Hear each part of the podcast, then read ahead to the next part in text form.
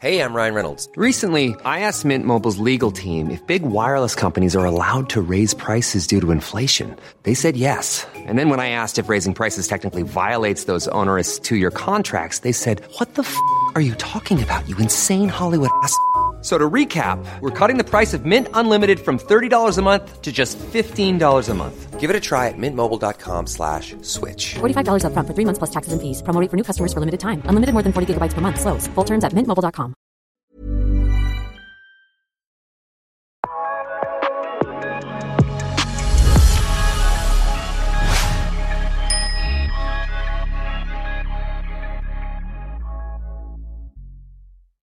Hej och välkomna till ett nytt avsnitt av eh, den här innebandypodden. Idag har jag med mig en eh, skåning eh, som heter Vidar Jonsson Wallin. Tjenare! Tjena, tjena. Hur är läget? Jo, det är bra så här inför helgen så det känns trivsamt. Ja, bra. vad bra. Eh, vad, eh, hur ska man beskriva Vidar här då? Jo, det här är en eh, kille som eh, först spelade innebandy väldigt, väldigt mycket och sen har blivit tränare. Vad, hur, hur ska vi börja? Ska vi börja kan, kan du börja och berätta hur det blev innebandy för dig en gång i tiden? Mm. Ja, det var ju på högstadiet, 13-14 år där, så eh, blev det att vi började köra på Viskans fritidsgård. Eh, vi var ett gäng i klassen som spelade och sen så blev det mer träningar utanför skoltid och sen så var man inne i det helt enkelt. Dock ska jag säga att handboll var min stora grej när jag var eh, ung. Jag var en av de mest lovande handbollsmålvakterna i Sverige när jag var 15-16 år. Men till slut var det innebandyhjärtat som slog hårdast och då blev man eh, till slut med i A-laget i eh, Högeborg Viskan som det hette då på den tiden. Ja. Hur gammal var du när du kom i A-laget då? Jag blev uppflyttad när jag var 17-18 år där någonstans var det och det var lite det att jag fick chansen snabbare i A-laget i innebandy än vad jag fick i handbollen och därför blev det att jag valde innebandy till slut faktiskt. eh, Var det. Att vara målvakt i handboll är väl lite självmordsuppdrag eller vad? Ja, Jag tyckte det var mer rätt häftigt. Det var en utsatt position men man blir oftast eh, hjälte. Om man räddar mycket så blir man uppmärksammad och sånt här. Så jag tyckte det var rätt häftigt att stå i mål faktiskt. Ja. Vad, vad har du, du har inte gjort någonting med innebandy eller med handbollen sedan du slutade då eller nej? Nej, ingenting alls. Utan det har varit, eh, varit innebandy för eh, hela slanten sedan jag var 17-18 år i stort sett. Ja, men det låter väl eh, vettigt. absolut, absolut. Ja. Vad, eh, om vi går tillbaka till innebandykarriär eller spelarkarriären här, men om vi hoppar direkt till SSL här. Vad, hur, hur känns det så här i början av säsongen att, att vara tillbaka i hetluften med eh, Helsingborg då? Faktiskt riktigt jäkla roligt måste jag säga. Jag hade ju 15 års tid som jag höll på med innebandy. Sen tog jag ett litet break här där jag eh, gjorde en avstickare till Kristianstad ishockeyklubb i Hockeyallsvenskan här under två säsonger. Och sista året i Höllviken var jag lite trött på innebandy. Då hade jag hållit på med det så länge så att det var rätt så välbehövligt break jag fick från innebandyn. Men nu när jag fick förfrågan från Niklas här i våras och eh, valde att hoppa på det så kändes det faktiskt riktigt roligt. Det har varit en häftig resa hittills. Ja. Som, in, som inte är slut på långa vägar. Så det ska bli väldigt spännande att se var vi hamnar. Ja. Om vi pratar lite rent allmänt som egentligen kanske inte har med ert lag att göra så här, men vad, vilka ser du som är aktuella som utmanare till Storvreta och Falun om du skulle Ja, men vi, kan, vi kan väl vara eh, ärliga och säga, nummer ett kan man kolla med de sista tio åren så är det ju egentligen bara fem lag som har tagit sig förbi kvartsfinalserien eh, mer än en gång och det är ju Pixbo, Linköping, Mullsjö och då Falun, Storvreta såklart. Och de tre lagen är eh, tre lag som absolut kommer utmana eh, Storvreta, Falun. Jag tror också att ett sånt lag som FC Helsingborg har kommer bli mycket farligare än vad många räknar med för att vi, vi är bra helt enkelt. Mm. Vad, är, ja, vad, är, vad är det ni är bra på då? Ja, men vi, vi har jobbat in en stark identitet med vårt lag, vad vill vi stå för. Eh, vi har ingredienser, vi har i, i mitt tycke världens bästa målvakt. Det kommer man ganska långt med i de flesta lagidrotterna. Vi har kompetens eh, offensivt sett eh, som gör att vi, vi hotar mot alla lag. Så att får vi ihop med den eh, strukturen vi har så kommer vi göra det svårt för de lagen eh, i toppen. Det är ingenting att snacka om. Vad, hur, hur, känner du eh, man, när man tittar på spelprogram och, och sådana här bitar? Dels har vi inte de här derbygrupperna men vi har väldigt mycket matcher på helger. Alltså det är ganska vardagsfritt. Vad, hur, hur tror du att det påverkar säsongen? Men man kan säga så här, nu har jag varit två år i hockeyn i Hockeyallsvenskan och där spelas det matcher till förbannelse kan jag säga det. Alltså de spelar matcher onsdag, fredag, söndag, onsdag, fredag, söndag emellanåt. Alltså de har sex matcher under en tvåveckorsperiod. Och det är skitklart, det är jättehäftigt att vara med matcher och sånt här. Eh, men de är också mer eller mindre semiprofessionella spelare, minst samtliga som är där och då funkar det. I vår idrott så eh, är det, alltså 32 omgångar tror jag varit maximalt att spela. Samtidigt så är det nästan så att 26 omgångar känns för lite. För när det blir som det är nu, vi hade match i förra söndagen, är det landslagsuppehåll, vi har ingen match nu på två veckor. Alltså det blir ganska torftigt att hålla på och träna när det inte är någonting att tävla om. Nej. Och, och, att det är mycket ligger på helger och att det inte är så mycket vardagsmatcher. Var, Påverkar det också eller vad? Tänker Alltså jag, i och för sig så som min livssituation ser ut så är det rätt skönt att det är en match på helgen och sånt här. För att vardagsmatcherna sliter rätt mycket. Framförallt när det är långa resor, du är borta, du kommer hem sent på nätten och sånt här. Så jag tycker det är rätt så behagligt nu när det är helgmatcher faktiskt. Ja. Eh, det här nu att vi inte har någon publik och det ser ut att det kommer fortsätta så här. Eh, det är ett stort frågetecken. Hur påverkar eh, det lagen, tror du, i, i Superligan? Man kan väl säga så här, på försäsongen så kändes det, det kändes som en ren försäsongsmatch när man spelade för det var inte så mycket publik och det brukade inte vara på de här träningsmatcherna heller. Och jag var lite rädd för att det skulle kännas så också nu när vi stod här i eh, hemmapremiären här mot Jönköping. Men när man väl kom in i matchen så brydde man sig faktiskt inte om att det var tomt på läktaren utan då var man så fokuserad på det som hände på planen. Men vi kan ju inte, vi kan inte komma ifrån det att publiken gör ju sitt till det hela och det är klart det är mycket, mycket häftigare mål när det är musik och man hör applåder, äh, applåder och allting. Det är klart att det ger en extra edge till allting vi håller på med, det kommer vi inte ifrån. Ja. Vad är det för typ av innebandy man ska spela då för att bli framgångsrik i superligan? Svår fråga. Jag tycker innebandyn idag går mer och mer. Vi kan kolla på storrätter som spelar ett högt försvarsspel. Eh, det har spelats med ganska höga försvarsspel eh, senare åren internationellt också. Och jag tror vi är på väg lite mot det också nu, även i SSL. Sen går allting i cykel och går lite i mode på hur man ska spela. För några år sedan var det 2-2-1 som gällde. Sen har det varit styrspel. Och, men jag tror faktiskt vi är inne på ett mer eh, ett, ett, ett försvarsspel som kräver fler beslut av alla eh, på banan helt enkelt. Vilket också gör eh, beslutsfattandet gör att det kommer bli lite fler misstag, vilket kommer göra att det blir mer underhållande för publiken. Mm. Ja, just det. Vad, men hur, hur, ska man klara sig kvar i en serie då? Alltså... Mm. Alltså jag tycker definitivt du ska behöva hålla dig till den identiteten du har som när du gått upp. Jag tycker det är häftigt att se nu Fagerhult att de verkligen jobbar efter de linjerna de gjorde när de var framgångsrika en division, alltså i allsvenskan. Det är häftigt att se hur de kommer lyckas. Jag vet hur det var när vi gick upp med eh, Höllviken. Mitt första år vi, när vi gick upp var vi väldigt naiva och trodde att vi skulle lösa det mm, precis som vi hade gjort innan. Vi fick ett bakslag och åkte ur serien. Vi studsade tillbaka. Vi gjorde lite småjusteringar, dels truppmässigt men också vår attityd hur vi skulle ta oss an eh, matcherna. Alltså borta mot Storvreta kanske man kände att mm, det är kanske inte här vi behöver ta de här poängen som vi hade naviteten att tro att vi skulle göra första året. Så att eh, det handlar om, eh, för de här lagen som är nykomlingar framförallt, titta på vilka är lagen som rör sig runt omkring oss i serien. Var ska vi lägga vårt stora krut helt enkelt?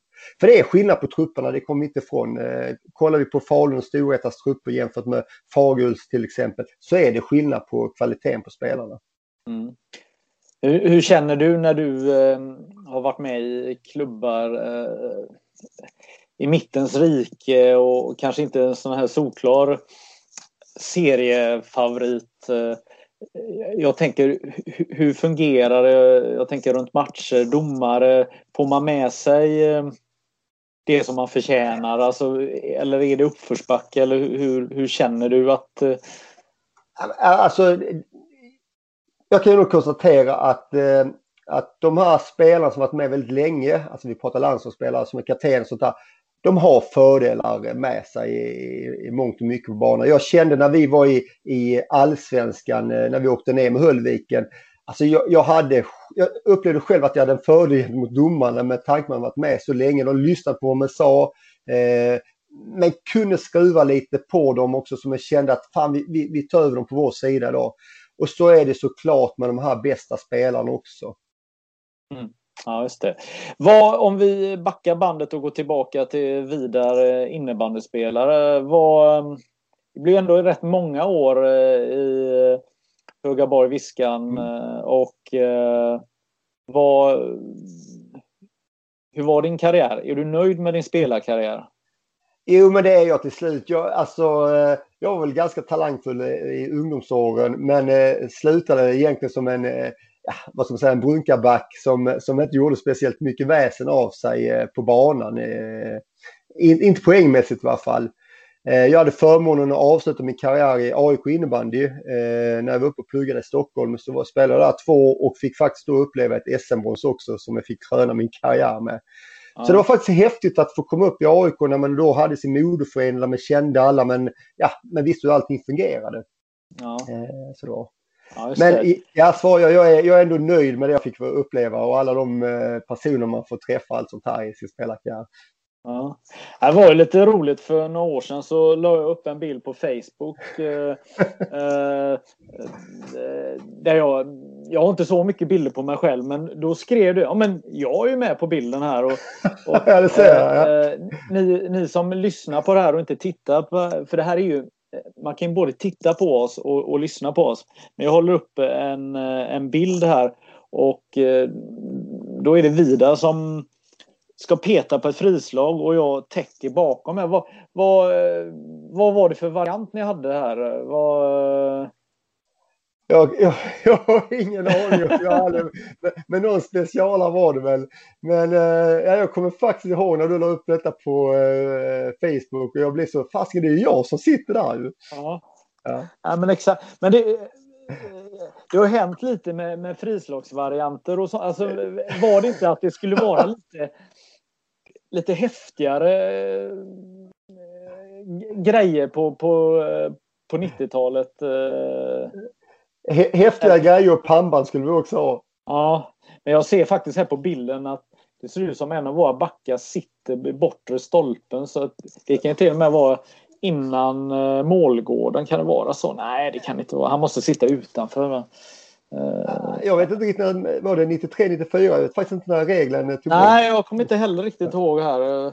Så, så att nej, men det, det var det var bra, men det här var ett omslag till faktiskt min sista min sista match, jag spelade högsta serien, det var mot Varberg här. Så att, ja, det minne där. Nej, men, eh, sen hittade jag ett annat matchprogram här och, där vi möts också. Och här är en lagbild på eh, Leif är ju, är coach. Leif Tränare. va? Ja, precis. Man känner igen en massa, ja, Mark Lundberg och... Ja, det var en klassiker, Mark Lundberg. Ja, precis. Det var väldigt kul för att vi kvalspelar ju här och vi spelar faktiskt bort det från eh, från eh, högsta serien här. Ja, det var ganska kul. Eh, Mark fick ju matchstraff också den här matchen kommer jag ihåg. Jag, tr jag tror jag filmade två gånger och ja, andra filmningen där då, ja, då brast det. Och, mm, ja, det är en av mina sportsliga hö höjdpunkter. Men eh, vad, mm, vad tänkte jag? Eh, eh, ni, eh, det gick inte med Högaborg alltså det, det lyfte aldrig någon gång egentligen som lag? Eller? Nej, det gjorde det inte hela vägen så sett eh, tycker jag. Det fanns mycket talang och sånt i laget men eh, ja, vi fick inte det där riktigt stora som vi egentligen hade önskat allihopa som höll på med det. Då var det ju lite andra lag, Sjöstad och alla, allt vad de hette som var lite bättre än vad vi var, Pixbo och allt vad det var. Ja. Nej. Vad, jag menar, om vi tar en sån här kille som Niklas Gide, han, han, han avslutar ju saker jäkligt pampigt. Han mm. har planerat innan. Ja, men jag ska ställa mina Adidas-skor då, för han var ju sponsrad av Adidas då, på mittcirkeln. Det kommer media älska det här. Eh, och, och, och eh, nappar de inte på det så har jag några andra idéer. Sån är han då. Men ditt sätt att, eh, att lämna finrummet som, som spelare var ju lite unik. Jag menar du du hamnade i bråk med Mikael Kling, var det Thomas Brottman och vem var det mer? Det var... Ja, jag tror Vesa Punkari var med där också. Det var, också, ja. Det, var, ja, det, här, det, var... det här vill vi höra allt om här nu. Vad... Ja, men det var ju i Botkyrkehallen. Jag tror det var match tre eller sånt här när vi mötte Balrog i kvartsfinalen och eh, vi hade Peter Arnberg som tränare och så blev det lite gruff där nere. Jag, jag, jag spelade egentligen bara boxplay i det slutspelet så jag satt ju längst ner på avbytarbänken och helt plötsligt så skedde det någonting nere vid deras mål och där kom jag springande ungefär 40 meter över på andra sidan och började guffa mot de här killarna.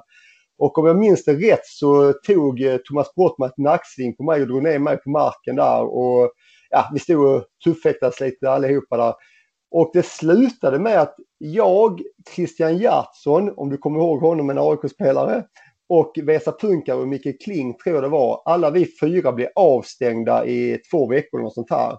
Vilket innebar krasst så jag och Christian Hjertsson, vi var väl inte de som var mest ordinarie AIK medan Vesa Punkar och Micke Kling hade ganska eh, stora roller i, i Balrog.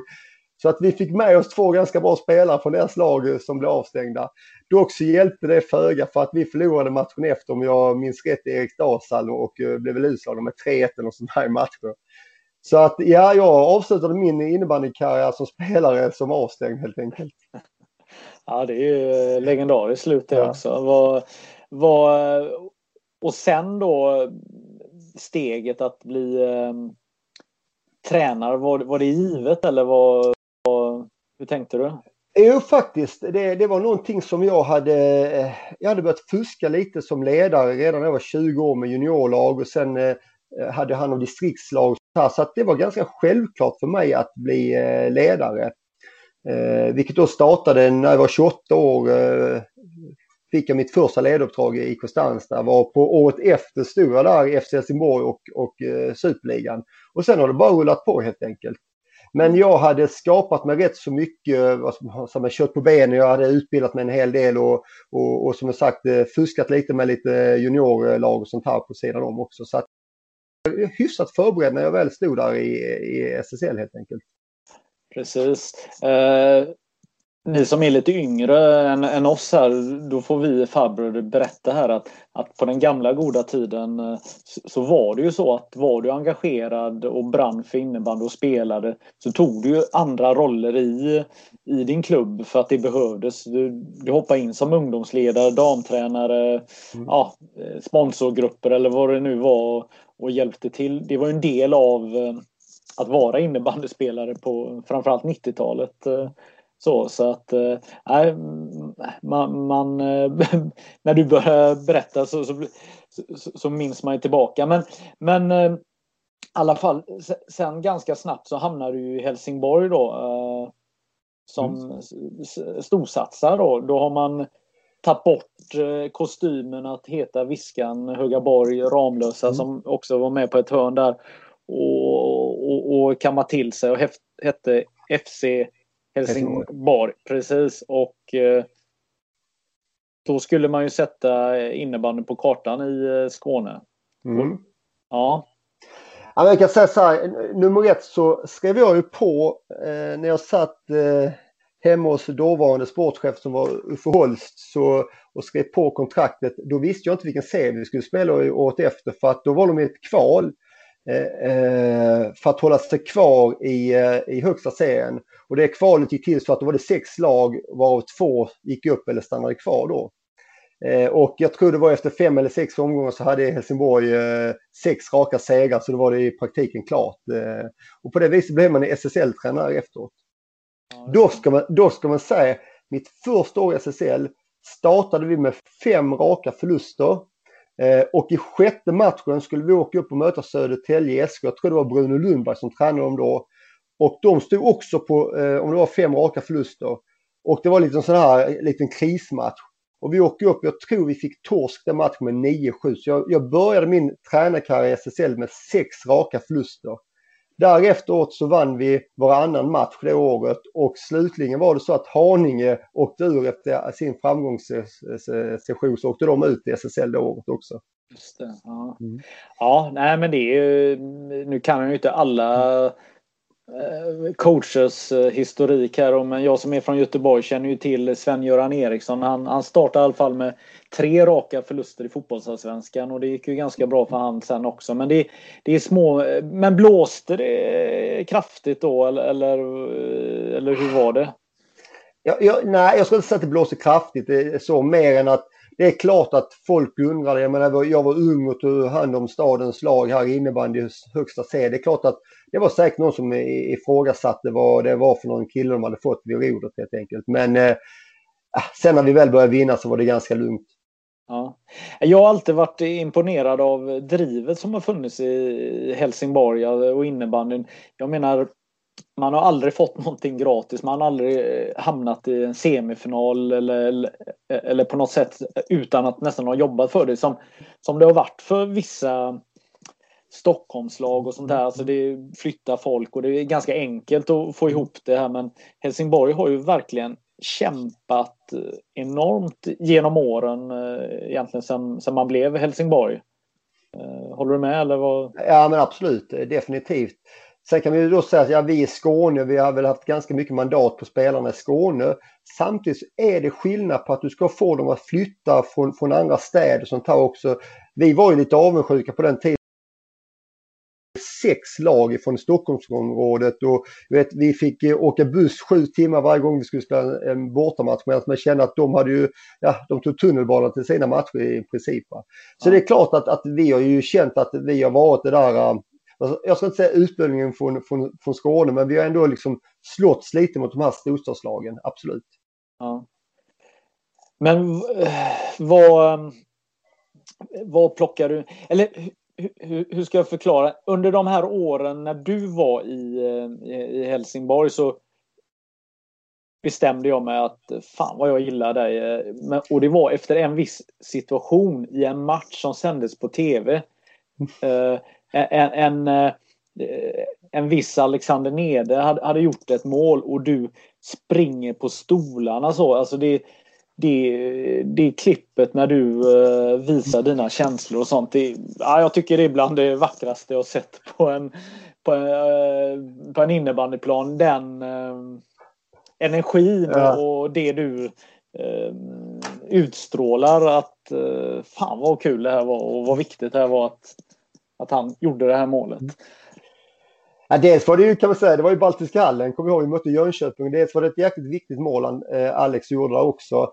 Sen så var det, det var så mycket för mig i början att, att eh, jag, jag drevs mycket av känslor och engagemang och ville visa alla alltså, eh, hur viktigt det här var för mig och det betydde väldigt, väldigt mycket på den tiden och jag ville liksom slå mig fram som eh, ledare och tränare och lyckas med, med mina grabbar också. Va?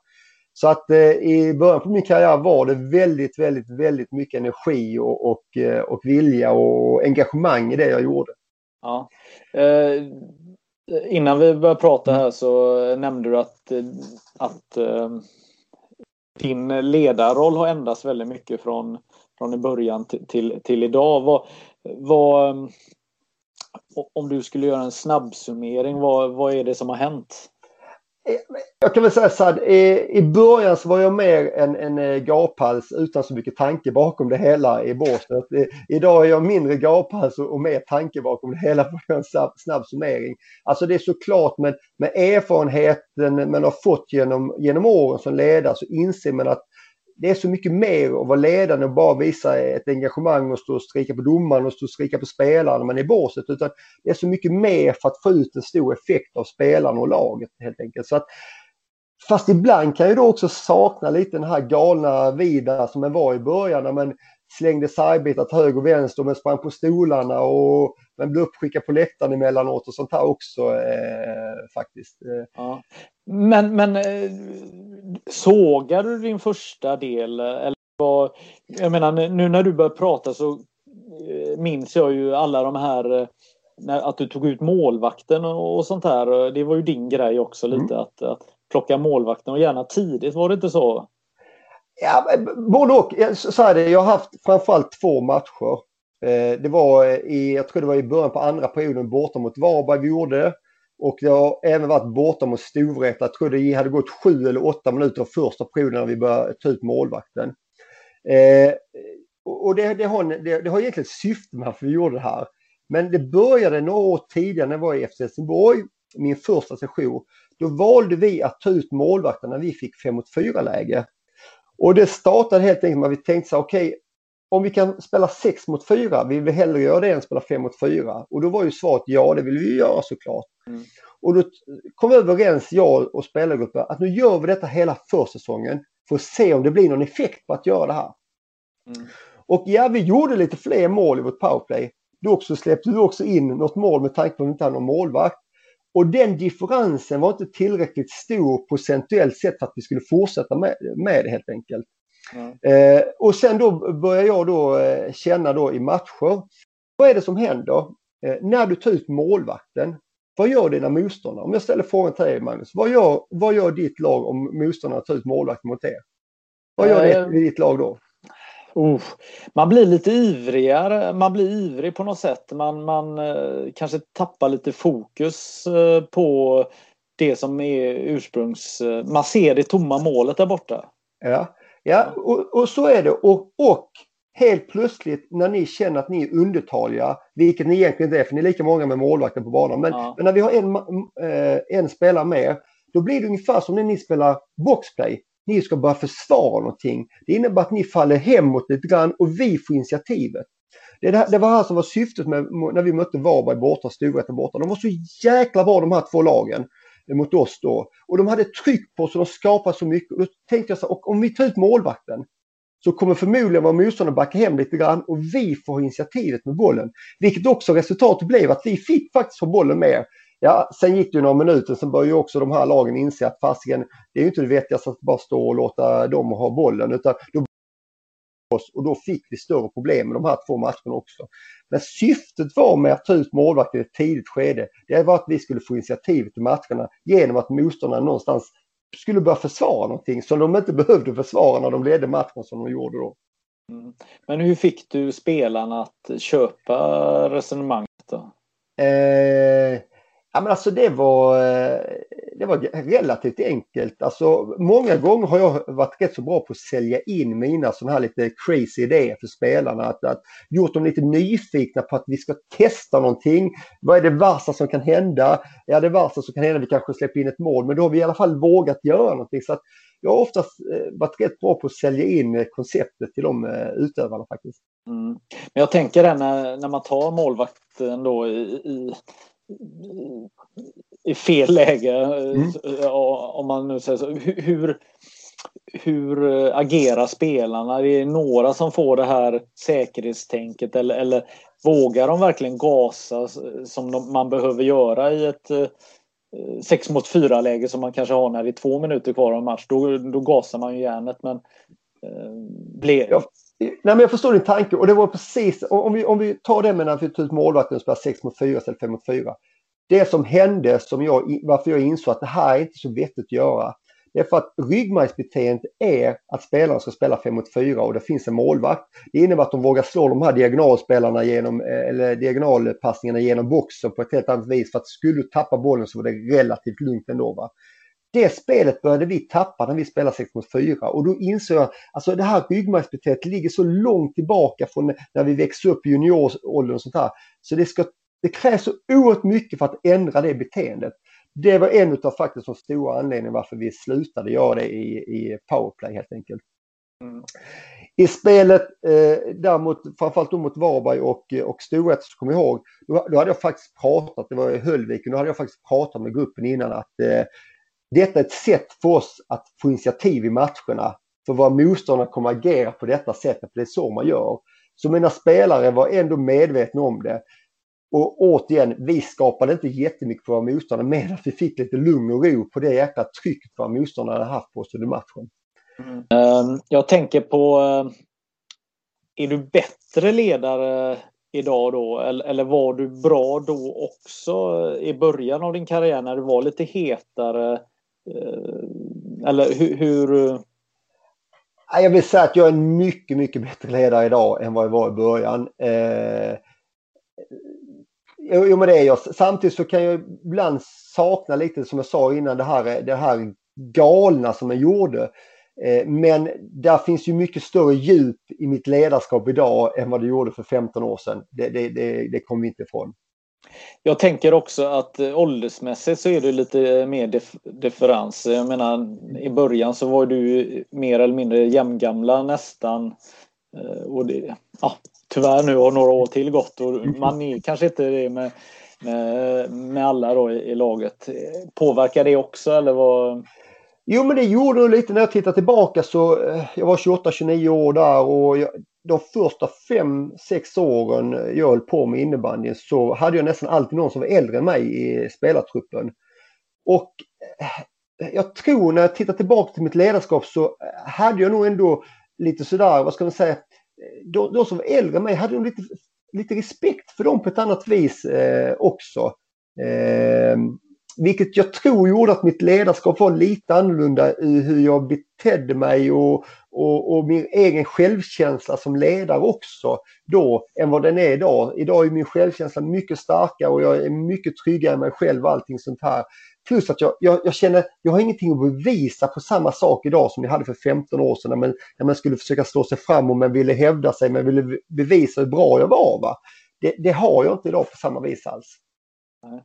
Eh, att du har spelat och har hela den här eh, hela din spelarkarriär i, i, i ryggmärgen. Alltså hur, hur tycker du att det påverkar dig som eh, ledare i SSL att, att du faktiskt också har spelat på samma nivå? Eh, från början absolut. Nu är det så länge sedan så nu kan jag inte referera till det längre till mina spelare. Men, men i början definitivt för att man hade ändå varit med i situationer, man har fått uppleva slutspel, man har fått spela med väldigt, väldigt bra innebandyspelare vilket gjorde att man hade en del man kunde lära ut för man hade sett hur många bra spelare hade gjort. Va?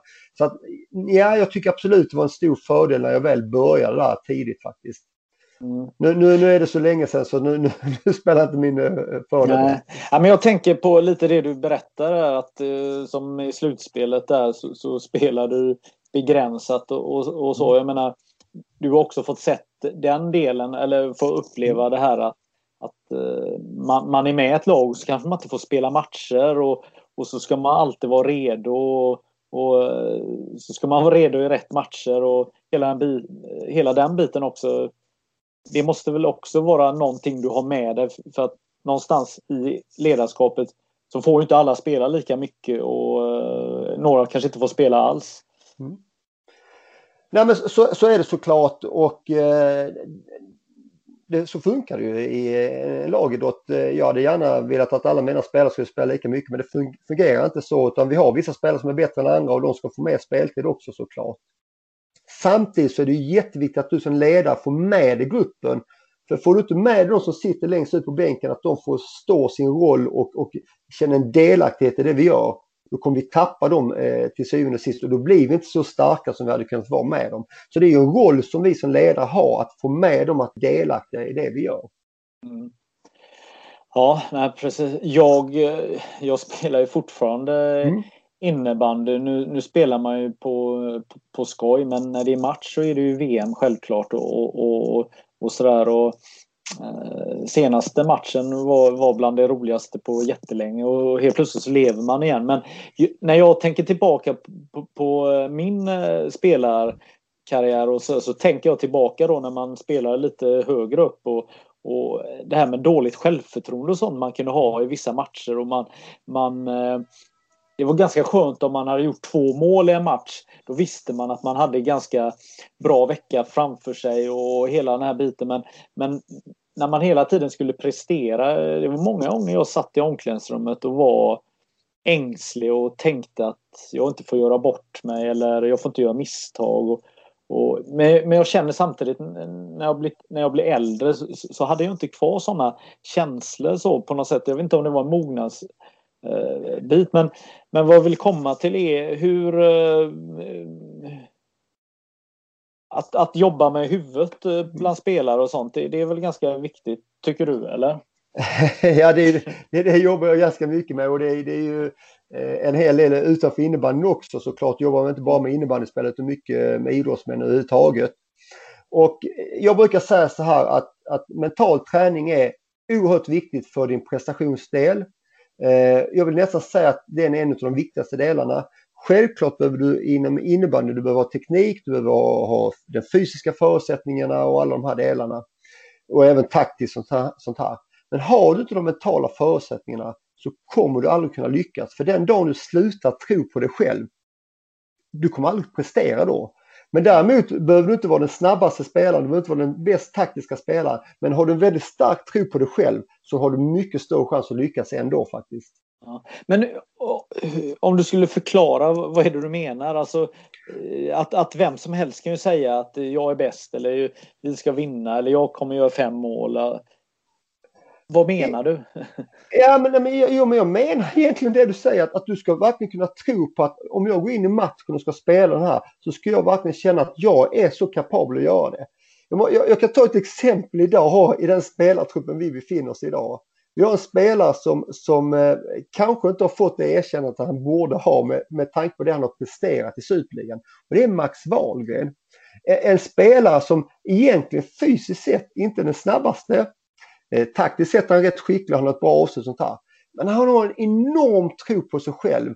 Där han går ut i varje match när man pratar med honom att han ska faktiskt, han ser sig själv att jag, jag gör minst två mål i varje match.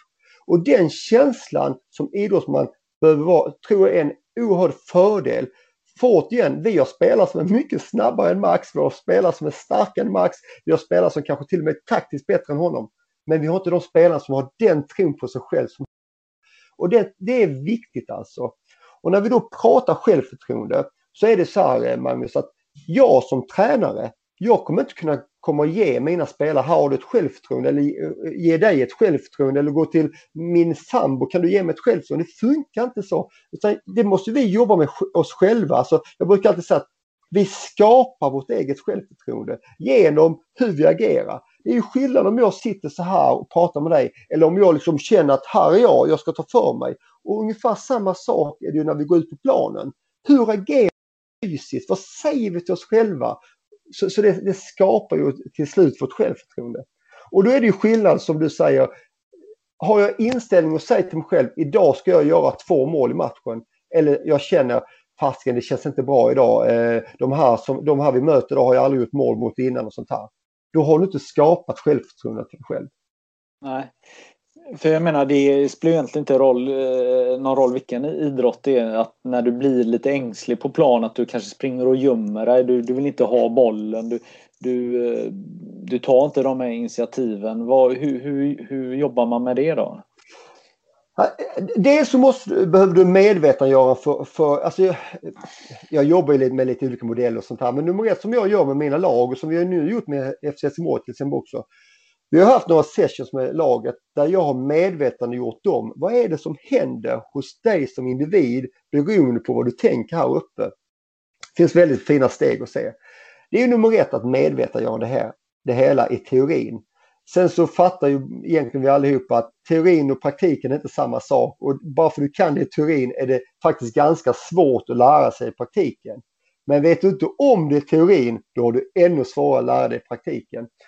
Så att det är så vi jobbat med de här delarna. Och jag pratar om något som heter så pedagogiskt snyggt som gröna och röda tankar. Och det är bara för att är du medveten om vad det handlar om så kan jag till mina spelare säga under matchen, är du grön nu? Och då vet de vad jag menar, då kan de härleda till det någonstans. Va? Eh, sen kan man prata om positivt tänkande och sånt här, men, men någonstans att du medvetandegör, hur ser processen ut? när du är där på planen. För till syvende och sist så ska vi prestera. Och en annan sak som vi också trycker väldigt hårt på, det är våra styrkor. Din styrka som innebandyspelare, det är alltid den styrkan som kommer ta dig till din framgång. Inte det här som du inte är bra på som du kanske skulle vilja bli lite bättre på. Utan det är alltid dina styrkor. Om din styrka är din snabbhet, ja men se då ta mig fan till att du blir ännu snabbare så att det blir din superkraft när du är där ute. Har du ett bra avslut, ja träna på ditt avslut så det blir ännu bättre. Så det är din superkraft. Det brukar jag prata mycket om att medvetandegöra styrkorna hos individerna. Och det är precis samma sak som vi som lag, FC Helsingborg, vi behöver ju medvetandegöra vilka är våra styrkor. Hur ska vi göra för att slå nu Storvreta, Falun och allt vad de heter där ute? Det gör vi ju inte med hjälp av våra svagheter utan det är våra styrkor som kommer ta oss och hjälpa oss med det helt enkelt. Ja. Ganska få klubbar som jobbar aktivt med mentala coacher och eh, hur, hur ser du på det i SSL innebandy? Ja, eh, jag, jag, tycker, jag, jag, tycker det är alldeles för få som gör det. Jag vet att det är några lag som gör det och det är något lag på damsidan som tar också. Jag tror faktiskt eh, till syvende och sist det ligger lite i grunden att vi som tränare vi känner att vi har läst en bok eller gått någon eh, idrottspsykologikurs och så känner vi att det här har jag kompetensen att göra. Men då brukar jag ställa frågan så här, det är väldigt sällan vi som ledare på den nivån jag befinner mig nu, att det är vi som håller i eh, fysträning på sommaren. Och där brukar vi oftast ta in en, en fysansvarig som är jätteduktig på det. Men det är ju inte så att inte vi skulle klara av att hålla fysträningen på sommaren. Nej. Men den, den lämnar vi ifrån oss. Men den mentala delen, den är vi för osäkra på, eller vi, vi tror vi har kompetensen att kunna genomföra den också. Vilket vi sällan har som ledare bara för att vi har läst en kurs eller sånt här. Jag gjorde, jag gjorde en, en ovetenskaplig undersökning på eh, hockey, eller SHL och allsvenskan i fotboll den ovetenskapliga undersökningen gick till så att jag kollade på respektive lags hemsidor i deras ledarstaber för att kolla hur många som hade en mental rådgivare i ledarstaberna. I, I SHL så fanns det i snitt 10,5 ledare per lag i SHL och i allsvenskan var de 9,5 så de var en person mindre i snitt. Och då, då hade man tagit fram sån här, då var det tandläkare och allt vad fasiken som fanns i ledarstaden. Det fanns så många olika positioner. Men, men det var väldigt få som hade en mental rådgivare. I hockeyn var det två lag när jag kollade här för tre år sedan och det var HV71 och det var eh, eh, Malmö Redhawks som hade skrivit ut på sin hemsida. De andra lagen hade kunnat haft det men de hade inte skrivit ut det. Å andra sidan ifrågasätter jag varför skriver du inte ut att du har mental rådgivare om du skriver ut att du har en tandläkare i din eh, ledarstab? Och i fotbollen var det väl kanske, jag tror det var sex lag eller sju lag av, av 14 år. Så att av 28 lag på, i, i våra två högsta eh, serier så var det nio stycken som hade mental rådgivare i sin ledarstab. Vilket jag tycker är på tok för lite. När jag då vet vilken kraft vi kan hjälpa spelarna med också. Och framförallt underlätta för ledarna så att de kan koncentrera sig på det de är bra på. Taktiken, tekniken och alla de här sakerna. Ja, och du får en ytterligare en röst också eh, som kan vara skönt avbrott till, mm. Eh, till huvudtränaren eh, också. Där. Så att ja, mm. absolut. Vad,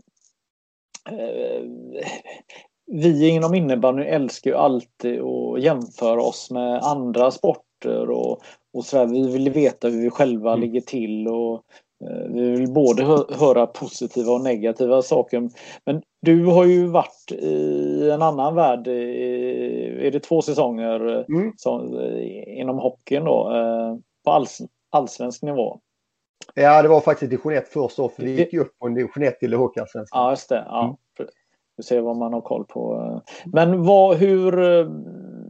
Jag släpper dig lite fri här och, och berätta lite alltså om, om skillnader vad, mm. hur, hur, tänker du? Nej, men eh, nummer ett så var jag väldigt glad när jag fick möjligheten med eh, Mikael Gart och Andreas Lilja att få vara med i ledarstaben i, eh, i Kristianstad IK som, gjorde, eh, som alltid varit ett topplag i division 1. Och när jag kom dit också då så hade vi med ett litet halmstrå så gick vi faktiskt upp till Hockeyallsvenskan så jag fick vara med om en säsong där också. Och eh, det är klart att jag hade aldrig varit i ett hockeyomklädningsrum innan överhuvudtaget och helt plötsligt skulle jag vara med där och, och, och så här. Så det, det, var lite nervöst och spännande första gångerna. Men ganska snabbt insåg man att det är precis vanliga människor där som det är vilket innebandyomklädningsrum som helst. Va? Eh, och man har hört mycket om attityder, matchattityden som finns i hockey och sånt här. Men det är precis som vilka människor som helst. Det som slog mig dock var hur jäkla hårt de tränar, rent ut sagt alltså. Eh, nummer ett så tränade de eh, måndag till fredag eh, och sen hade de matcher i snitt två matcher i veckan spelade de. Ibland spelade de alltså onsdag, fredag, söndag.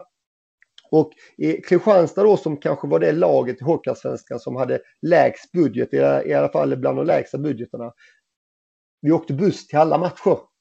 Det innebar att vi kunde spela match en, en onsdag kväll hemma för att sätta oss i bussen klockan 11 och åka upp till Örnsköldsvik för att möta Modo på, på fredag för att sen sätta sig i bussen och, och, komma hem för match och varmning på söndag morgon och sen skulle vi spela match på söndag kväll igen. Så det var liksom ingen glamour någonstans. Ibland som vi, vi inom innebandyn säger att vi har så dåliga förutsättningar. Men det är inte så jäkla häftiga förutsättningar i Hockeyallsvenskan heller. Men däremot arbetsinsatsen som spelarna gör vid sidan av planen träningsmässigt var jag imponerad av. För i Kristianstad, nu kan jag inte säga att det var så i alla lag, men i Kristianstad i alla fall, så tränade spelarna 50 minuters fys, ofta styrka, inför varje träningspass de hade. Och hade vi gjort detta innebandyn så hade nästan spelarna slått ut och sagt så här, vi kan inte hålla på att träna så mycket fys innan för då blir, då blir vårt innebandyspel lidande som sagt var. Men det var hur naturligt som helst i hockeyn och det var jag faktiskt lite imponerad av. Mm. Sen var jag även imponerad av hur stor ishockeyn är på de små orterna runt omkring i Sverige. Om man kollar på Nybro, Troja Ljungby, Tingsryd och de här. Där, liksom, alltså, där är ju hockeyn allt i de så här små bygderna faktiskt. Det, var, det blev jag faktiskt imponerad av också. Eh, så att nej, det var, jag måste säga det var riktigt häftigt och roligt att få vara med i ett hockeybås och få se den idrotten från insidan, eh, rent ut sagt. Det måste jag säga. Mm. Vad har innebandyn att lära sig mer än att träna fys? Eh, lära sig mer? Ja, egentligen konkret ska jag säga det är mängdträning. För mängdträningen var stor i hockeyn kontra vad den är i innebandyn. Eh, men jag man kan säga så här, innebandymässigt sett så eh, tycker jag när, när jag ser hur vi bedriver verksamheten i SSL taktiskt sett om jag uttrycker det så. Så tekniskt sett så krävs det mer av våra spelare.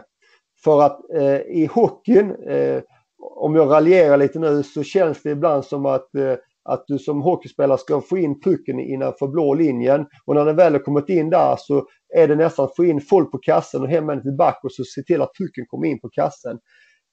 Nu raljerar jag lite för det är klart att det finns en tanke bakom det de gör. Men det finns en mycket större tanke bakom hur vi inom innebandy faktiskt skapar våra målchanser. Om jag uttrycker det så. Ja. Eh. Men vad, vad är våran, eh, vad är innebandyns slänga in pucken i, i zon då? Vad, vad är... Hur tänker du nu Mange? Nej men alltså mm, vad är våran enkla väg in eh, i, är det nere, en boll nere i sarghörnet och fiska upp den? Eller vad? Då, då ska jag då säga så här, alltså, det finns ju nästan ingen idrott som innebandy som det är så lätt att skapa målchans i. För du kan ju skapa en målchans genom att du som back tar två steg mot, eh, mot eh, mittlinjen och sen drar du iväg ett skott mot kasten så har du faktiskt skapat en målchans. Du kan spela ett back äh, från back till back och ner i fickan så den, den som får bollen i fickan skjuter skott på mål så har du skapat en målchans. Det är ju det som gör det så jäkla svårt att försvara sig innebandyn idag. Eh, eh, faktiskt. Mm. Ja, just det. Så det skulle jag nog säga att det är vår, vår eh, få in pucken i, i zon. Det är att, att skjuta, skjuta bakifrån eller få ner den i fickan och in med bollen på kassen. Mm. Vi eh, vet ju om att eh, hockeymålvakterna har ju haft mycket att lära sig av innebandyn eftersom de agerar som innebandymålvakter delvis. Finns det något annat som, som hockeyn kan lära sig av innebandyn då? Eh, då, då skulle mitt enkla svar vara så här, skjut för att göra mål. För det gör inte hockeyspelarna längre. För idag skjuter de bara för att få in pucken mot kassen och det ska bli styrning och sånt här. Det är väldigt sällan jag tycker man ser en, en hockeyspelare idag skjuter de här slagskotten för att faktiskt göra mål. Jag tänker mig Anders när han stod där på blå linjen för eh, 20 år sedan eller var och, och, och sköt för att göra mål. Idag är det mer att de, de trycker in skott som ska sitta en halv meter ovanför marken för att någon ska styra och sånt här. Eh, och det, det, skulle man kunna säga, det skulle de kunna lära sig lite av oss. Ja. Vad, vilka är de eh, bästa tränarna eh, tycker du historiskt sett inom innebandy? Om, om du får eh, lyfta några tränare som du tycker har varit bra genom åren? Ja, men vi, vi kommer inte ifrån att Thomas Bortman som vi har som är fortfarande är fullt aktiv har ju meriter som ingen annan kan mäta sig med med alla SM-guld och, och sånt som han har tagit. Eh, sen kan man alltid säga att han har tränat väldigt bra lag alla, alla år. Men vad är det som gör han bra då? Det, det, det, vet jag inte. Jag, jag, har liksom inte jobbat med honom eh, vid sidan om så jag kan inte säga hur han jobbar med sina lag. Jag kan bara se på resultatet som har varit fantastiskt bra. Det, det, är liksom, det är ingen som kan mäta sig med den resultatlista som han har.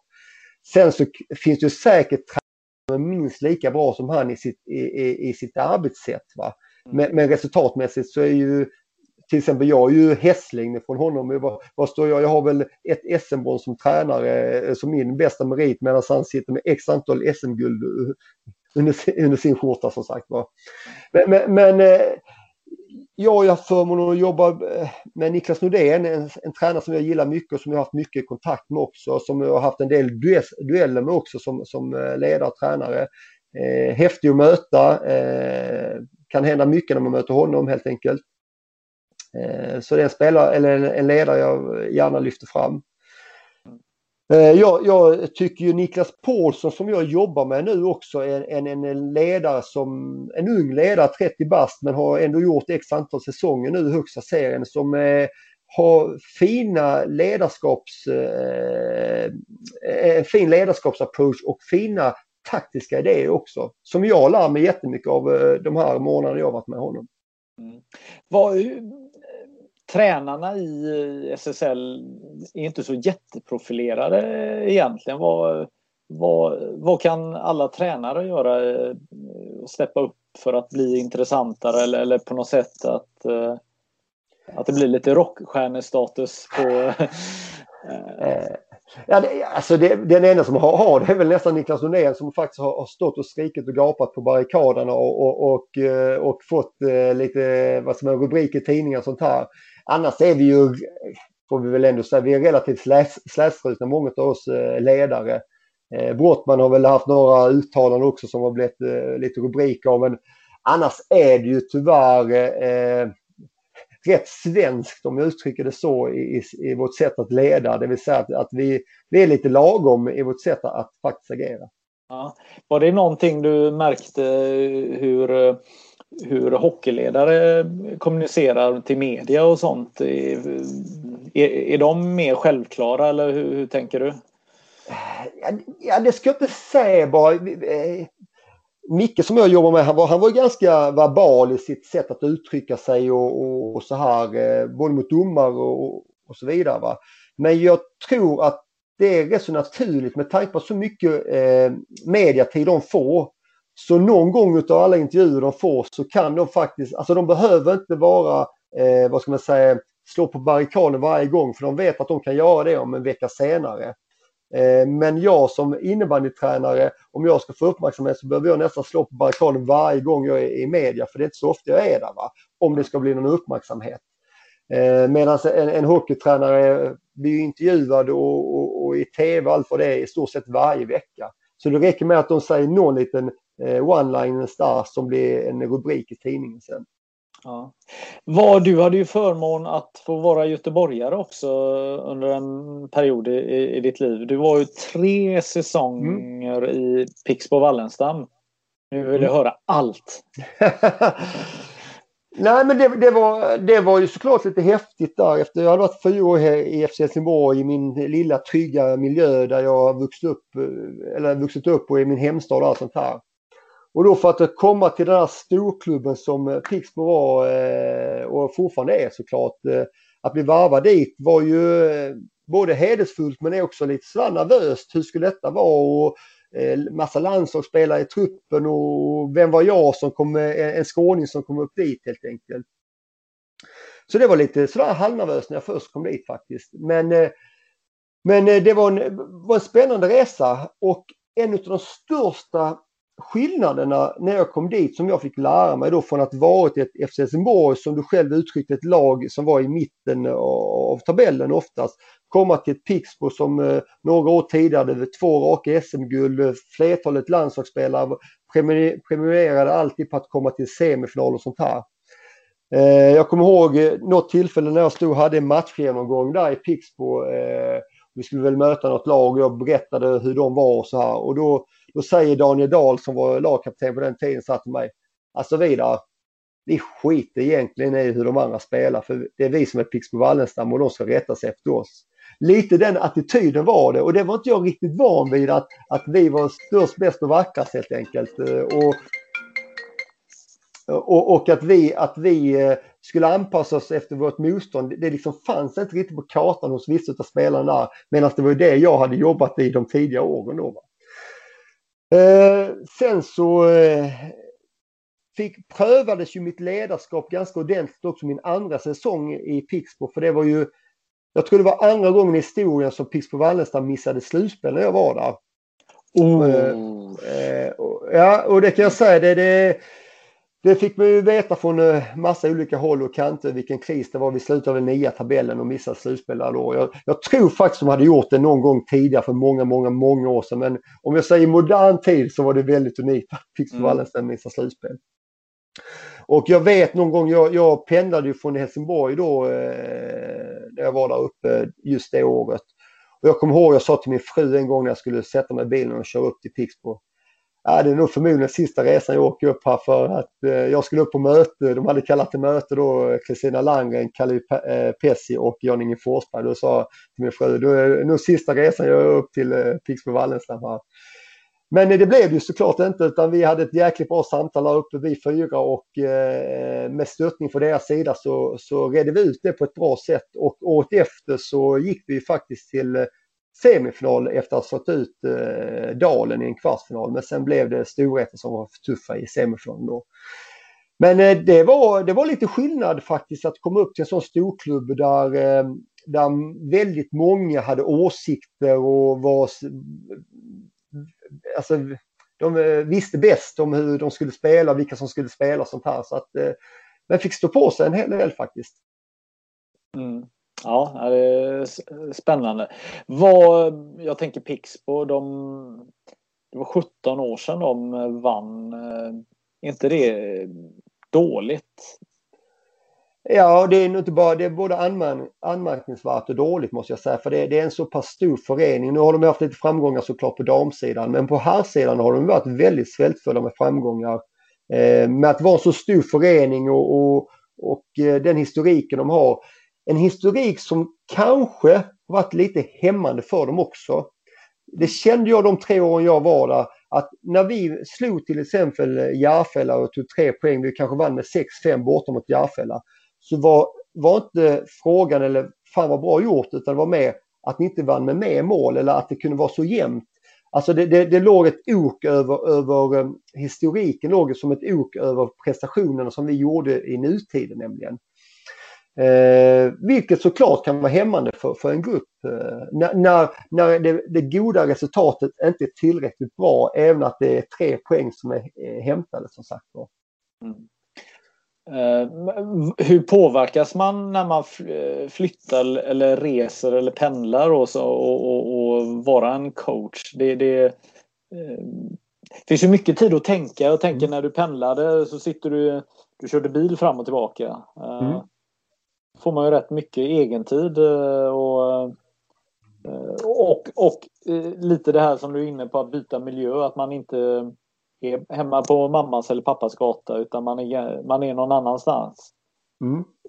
Ja, men det, det, det är jätteutvecklande att göra det och eh, jag tycker knappt man har varit tränare förrän man har testat på och bryta sig upp från sin hemmamiljö och testa vingar någon annanstans. För att, mm, men kom ut på en osäker mark där man inte känner någon trygghet riktigt, vilket man då får lära sig hur man ska agera och sånt här. Så att för mig var det väldigt nyttigt och de här bilresorna som tog upp, det var, tyckte jag var jättehärligt. Visst, det tog ungefär eh, nästan två timmar att köra. Men det var ju väldigt mycket reflektion som man kunde göra under den resans gång. Man kunde ta lite telefonsamtal när man ringde där och så här, Så att, de var inte så jobbiga som man kan uppleva de där resorna fram och tillbaka faktiskt. Sen så bodde jag ju något år i, i Göteborg också när vi var där uppe. Till exempel. Mm. Ja, vilka är de bästa spelarna då som du har eh, sett eller jobbat med? Usch, ja, det har blivit en hel del under resans gång såklart. Eh, och jag måste säga, man har ju haft förmånen att jobba med x antal landslagsspelare. Och de här bästa spelarna, jag har lärt mig så oerhört mycket som ledare för hur de bedriver en innebandy som jag inte visste att man kunde bedriva den på det viset, alltså taktiskt sett och, och så här. Va? Men om jag, skulle, om, om jag ska skicka ut en, en drömfemma till dig som jag har haft spela under mina vingar så om jag, om jag kollar på målvaktssidan så även om jag har, inte har tränat individen mer än egentligen i, i, eh, två månaders inomhusträning så måste jag ändå nämna Jonte Edling faktiskt för att eh, det är ett monster rent ut sagt i, i, i, målet. Och det han gör ibland på träningarna och hur frustrerade våra spelare är på träningarna han stänger igen totalt. Alltså, det är häftigt att se och det har jag faktiskt inte varit med om en målvakt som har varit så bra som jag haft tidigare faktiskt. Eh, så då skulle jag faktiskt satt Jonte Edling i kassen. Eh, om jag då ska plocka ut två backar så kan jag säga så här, eh, Martin Östholm som jag hade i eh, Pixbo Wallenstam som fortfarande är aktiv. Eh, eh, var häftig att träna. Det var verkligen eh, bom bom Östholm rent ut sagt. För det skottet som han besitter var, var häftigt att ha att göra med. Sen eh, hans backpartner hade satt som Henrik Kvist. Även om Henke Kvist när jag var i Pixbo hade väl sin största framgång kanske de åren innan jag var där så var han ju, hans lägsta var ju, var ju fortfarande så pass hög så han presterar väldigt, väldigt bra fortfarande. Och jag lärde mig ganska mycket av Henke där. Framförallt spelet som leftspelare som han var, att spela som vänsterback och på det sättet han hittade diagonalspel och då skyddade bollen. Det hade jag inte varit med om innan, vilket gjorde att det blev en ny dimension i mitt sätt att, att se på backspelet faktiskt. Mm.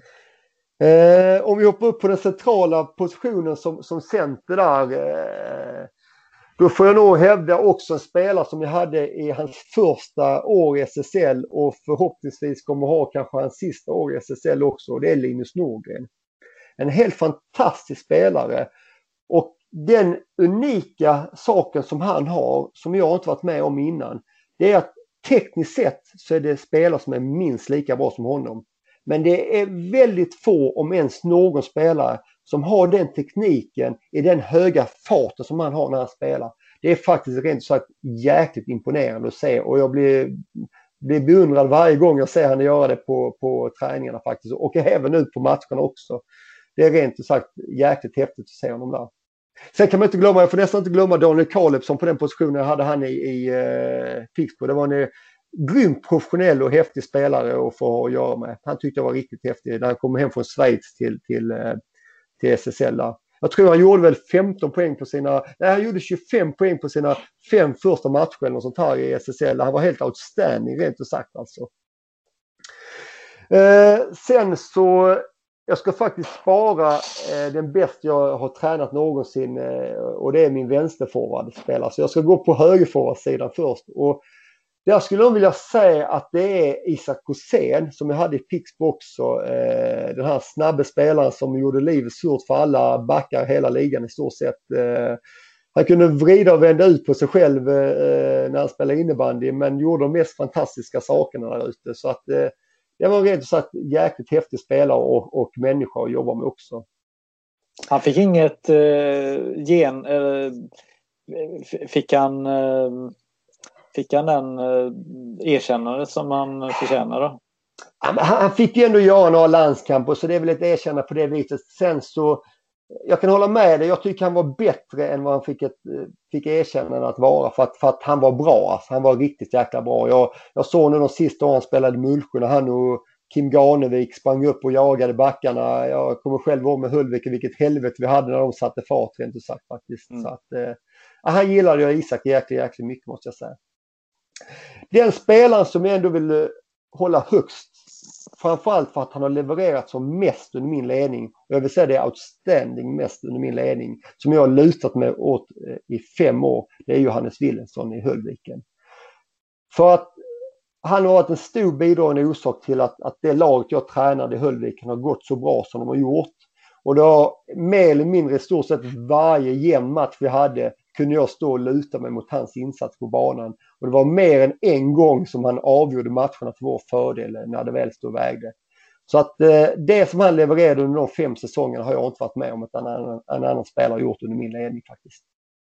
Det låter eh, läckert. Det är lite mm. som Eh, att man backar till eh, ungdomsserier, typ pojkar 13 eh, och så har man en som hela tiden kan gå in och göra de här avgörande. Det, det, det är ju fantastiskt när den typen av spelare får vara med i ett bra lag och, kan göra ett bra lag ännu bättre. Det, eh, ja. det, är, det, det, det är häftigt och, och det här är ju någonting av det jag älskar som mest i ledarskapet. Att då komma som jag gjorde till Höllviken och ta hand om en sån som Johannes Willensson. Nu, nu har han inte blivit bra på grund av mig utan framförallt på grund av det han själv har gjort. Va? Sen har jag mm. varit en liten injektion i, i hans utveckling. Va?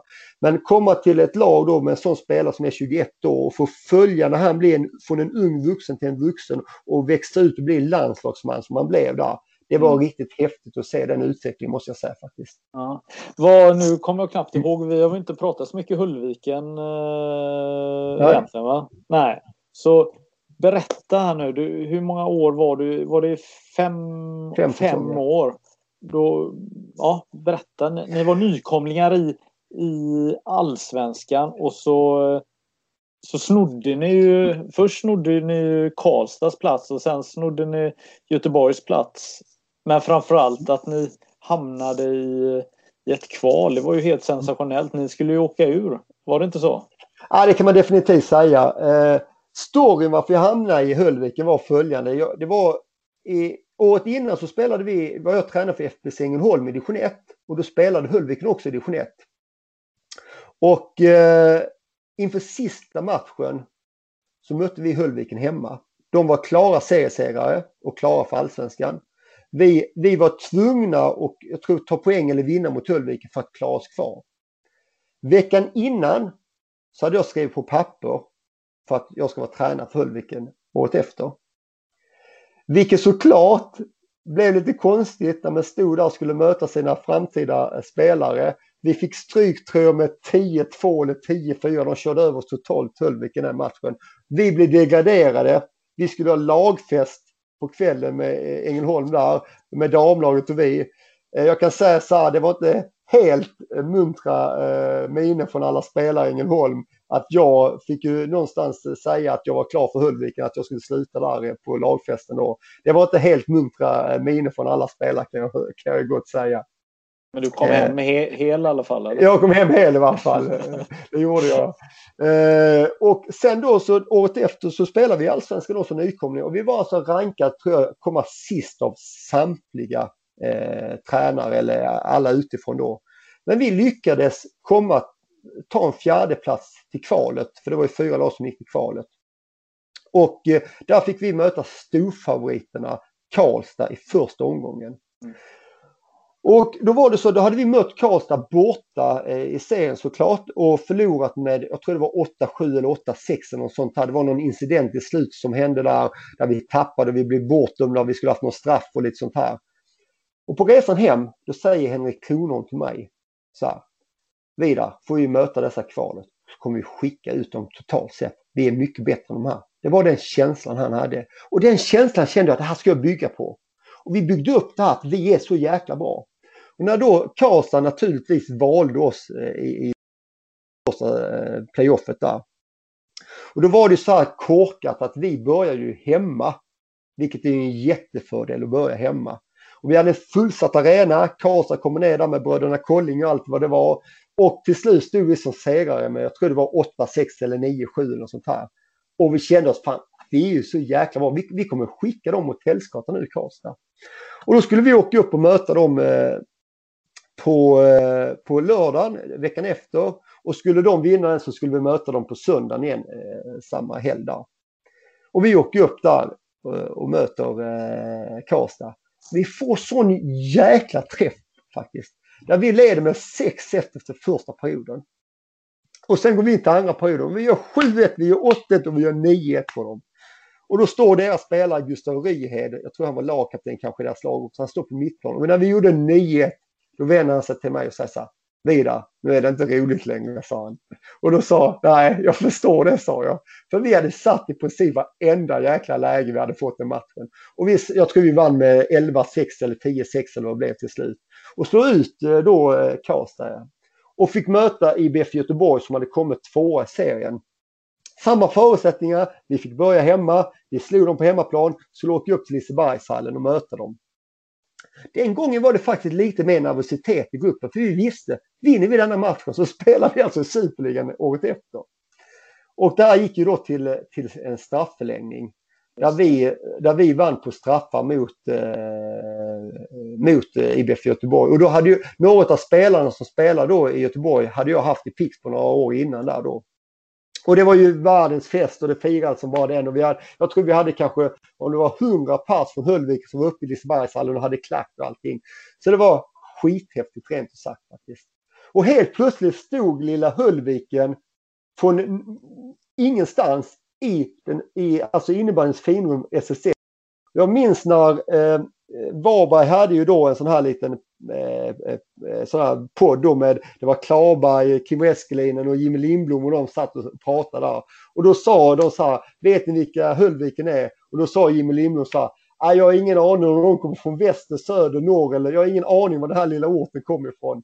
Och det, de här sakerna spann vi rätt så mycket på där nere i Höllviken. Att, att eh, vi kom, vi såg, vi segrade. Ingen visste vilka vi var och vi skulle göra livet surt för alla i, i, i finrummet nu också. Och, och den, den, den här kaxiga naiviteten som vi hade tog vi med oss till Superligan. Men där fick vi faktiskt pang en riktig, inte, inte en käftsmäll, men vi fick veta att vi levde. Och vi åkte ju också ut sen, vi kom ju näst sist då.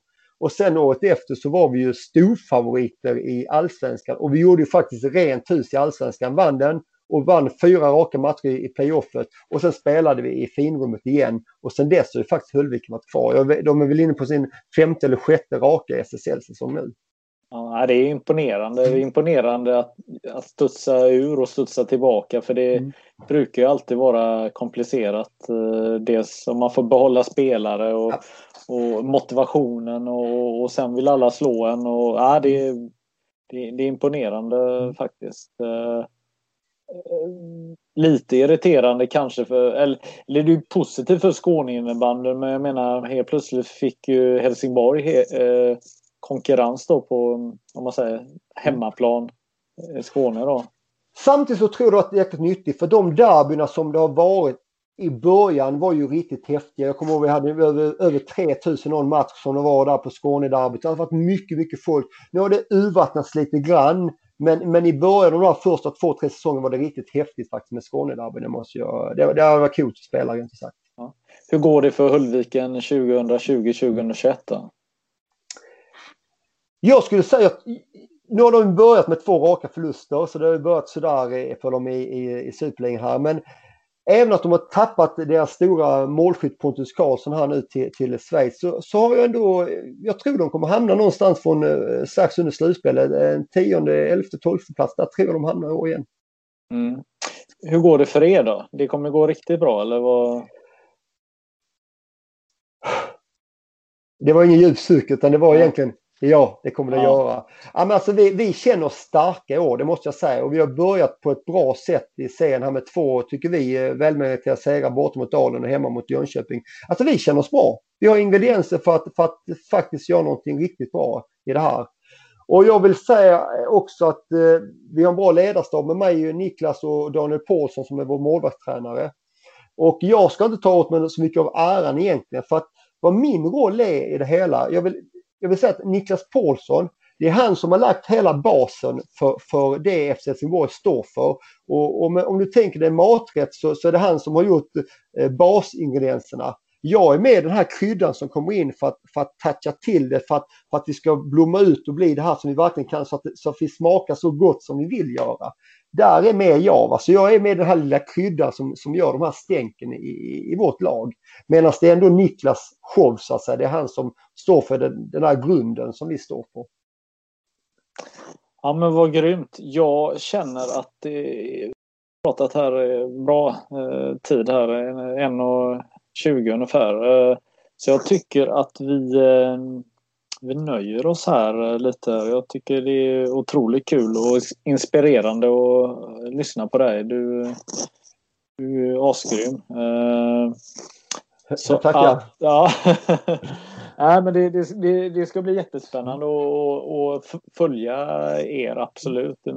Man, man såg ju premiären och det är en sån här nyckelmatch som kan få eh, ringa på vattnet för hela säsongen eh, om saker går bra. Och, eh, ja, ni kan ju producera framåt och som du säger så har ni en förbaskat duktig målvakt också.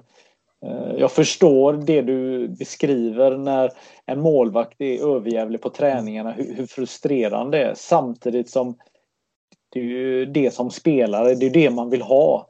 Man vill ha det på träningen mm. för att man vet ju att till helgen är det match. Och då, Exakt. Ja, och, så att... Mm. Ja, men vad bra Vidar. Vi, eh, tack för att du ville vara med. Tack själv. Ha en god helg nu. Bra. Där fimpar vi. Even when we're on a budget we still deserve nice things. Quince is a place to scoop up stunning high-end goods for 50 to 80% less than similar brands.